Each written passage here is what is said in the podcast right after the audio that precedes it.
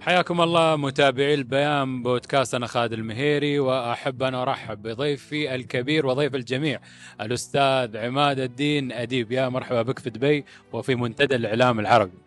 أهلا بيك وأنا سعيد أن أكون موجود مع حضرتك ومع جمهورك الكريم. 20 عام منتدى الإعلام العربي، تقييمك له بعد هذا العام الطويل والكبير. ما فيش شيء يعني ممكن ينجح مرة صدفة مرتين صدفة لكن عشرين سنة من النجاح المستمر ما شاء الله. هذا ليس صدفة هذا بيعكس إن الفكرة كانت صائبة وإن رعاية سمو الشيخ محمد بن راشد كانت آه، رعاية كريمة وكانت فكرة حكيمة فعلا.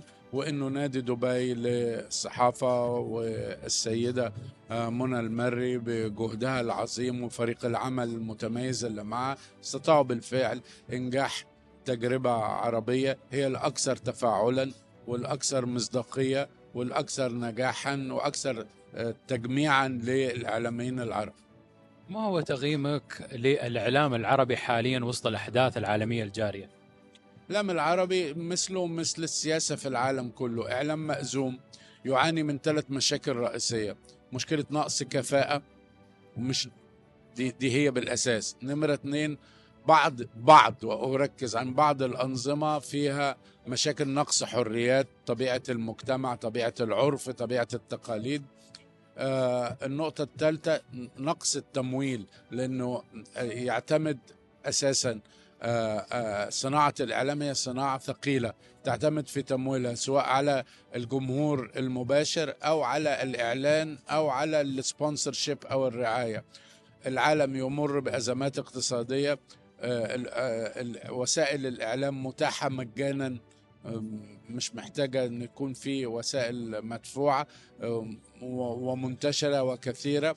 هناك تشرذم للإنفاق الإعلاني لأن الوسائل كترت جدا فأصبح حصص الوسائل المعتبرة آه، اللي هي ذات المرتبات الكبيرة والاستاف الكبير تعاني من أزمة التمويل وأزمة الصناعة هل ترى بأن الإعلام يعني في فترة من الفترات كان الإعلام العربي. يعني على السياسة 24 ساعة، هل ترى من الإعلام العربي انكفأ حاليا وأصبح يركز على الشأن المحلي؟ أعتقد انه هو آه، بيشوف إن الخبر المحلي هو الأكثر اهتماما لأنه تغطية الخبر الدولي إن لم تكن ليك مراسل أو متواجد في العالم فالناس معظمها دلوقتي بتعرف لغات فيقدر يفتح أي محطة يفتح ال BBC ال CNN ويشوف الخبر من مصدره الأساسي من موقع الحدث نفسه.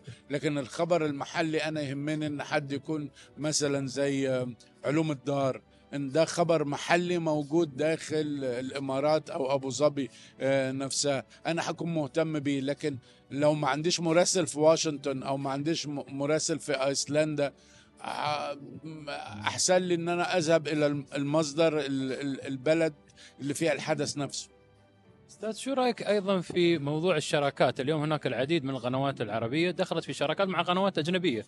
كيف تقيم هذه التجربة؟ إذا ما كانش بترفع مستوى الكفاءة لأنه لأنه المحتوى المحتوى عمر ما الخواجة أو الأجنبي هيعرفوا أحسن مني. دي أنا دايما بدخل في تحدي فيها. نحن أدرى أو أهل مكة أدرى بشعابها. لكن هو يقدر يساعدني في إيه؟ يساعدني في شكل الصورة في التكنيك في إيقاع التقديم في كفاءة العاملين. في آه، نوعية الماكينات في آه، في قواعد المهنة في الانضباط في التغطية الصحفية في آه، كيفية آه، ضبط الإنفاق في المح... زي اللي بيستفيدوا منه في المحطات الأجنبية. آه، دي كلها أقدر أستفيد من الأجنبي فيها لكن المحتوى دي لعبتي أنا. أنا أنا اللي أقدر أفهم فيها أكتر من أي حد. وأيضا كيف تقيم دخول وسائل التواصل الاجتماعي؟ هل ترى اصبحوا اليوم ينافسون الإعلام التقليدي؟ آه، وسائل الت- التواصل ال- الاجتماعي عملت ميزة وعملت تحدي الميزة إن هي رفعت سقف الحرية لأنه ما تقدرش تخبي وعلى خبر ست سبع ساعات وهو منشور من ست سبع ساعات الناس شافته. يعني مثلا في صاروخ سقط قنبلة انفجرت آه، شخص آه، توفاه الله.